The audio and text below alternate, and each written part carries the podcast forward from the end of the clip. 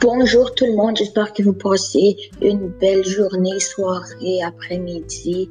Donc aujourd'hui, on va parler de Robinson, euh, Vendredi la vie sauvage, chapitre 28 à 35, si je ne me trompe pas. Donc on va commencer avec un petit sujet que notre analysateur va comme comprendre.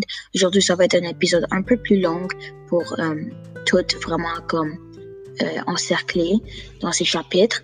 Donc, commençant par, euh, il fait un arc euh, péolienne, je pense que c'est le nom, j'espère que je me trompe pas. Donc, avec le crâne d'un des animaux que Vendredi a aidé à comme toute la vie. donc, ouais, il en a fait un. Et comment que ça marche, c'est avec le vent, ça joue de la musique. Donc, analysateur, pourquoi tu penses qu'il s'est fabriqué ça? Il aurait pu faire d'autres affaires ou comme une décoration. Pourquoi tu penses que ça spécifiquement il a fait? Bonjour, je suis l'analysateur et je pense qu'il a fabriqué l'arc euh, péolienne pour euh, comme entendre un confort ou de la musique parce que déjà il était pas mal seul dans euh, il était, très seul déjà, avec seulement vendredi, pas d'autre vie, rien, parce que Tan est déjà mort. Donc, je pense que pour cette raison-là, il a fait euh, cette musique, comme on dit, ça, peut, ça pouvait être comme un concert, et ça le réconfortait, le faisait penser que peut-être il y a d'autres personnes. Et comme ça le calme, ça avec la plage, ça déstresse probablement. Donc, c'est pour ça que je pense qui euh, a fabriqué ça quand il aurait pu faire d'autres affaires euh, plus utiles euh, pour, pour son confort mental, pas physiquement. Merci.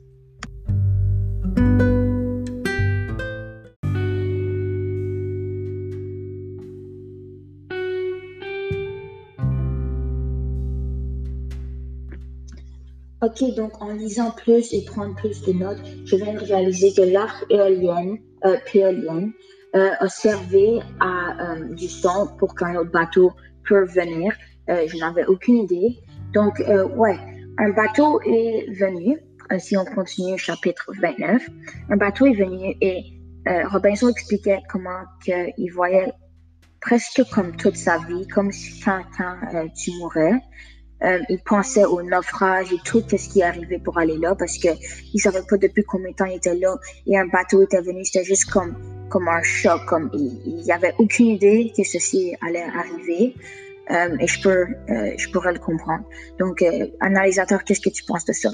Ben moi, je pense que c'est très. Euh, je, savais, j'en avais aucune idée qu'il serait sauvé par un, un, bateau avec une arc péolienne. Je savais pas que c'était assez fort, mais c'est très bon comme ça. Il pourrait aller à leur vie normale et il pourrait revoir sa famille en Chili et avoir une bonne vie encore. Donc je pense que c'est très bon, mais en même temps c'était très... Euh, j'avais aucune idée que ceci allait arriver. Je pense que vous aussi, les, les, écouteurs, si vous avez lu le livre ou pas, à ce moment-là, si vous saviez que ça, ça allait arriver, je pensais qu'il allait juste rester sur l'île jusqu'à temps qu'il meure, mais tant mieux. Merci.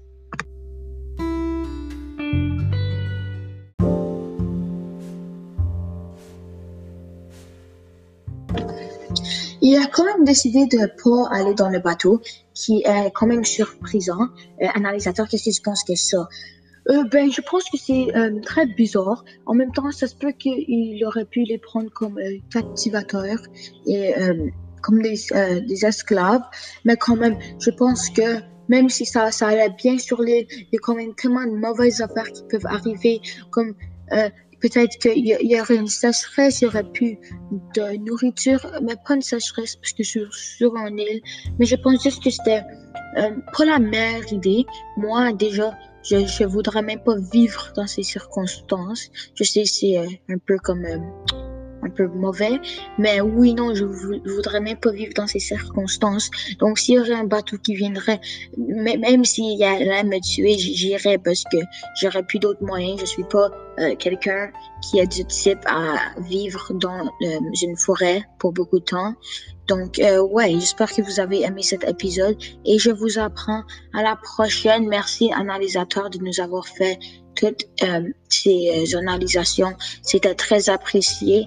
J'espère qu'un jour, je pourrai faire d'autres podcasts comme ceci. Mais merci, Monsieur Paradis, d'avoir donné cette opportunité à moi d'apprendre comment parler devant un ordi et comment voir deux points des affaires. Et je vais vous voir à la prochaine s'il y en a une. Merci.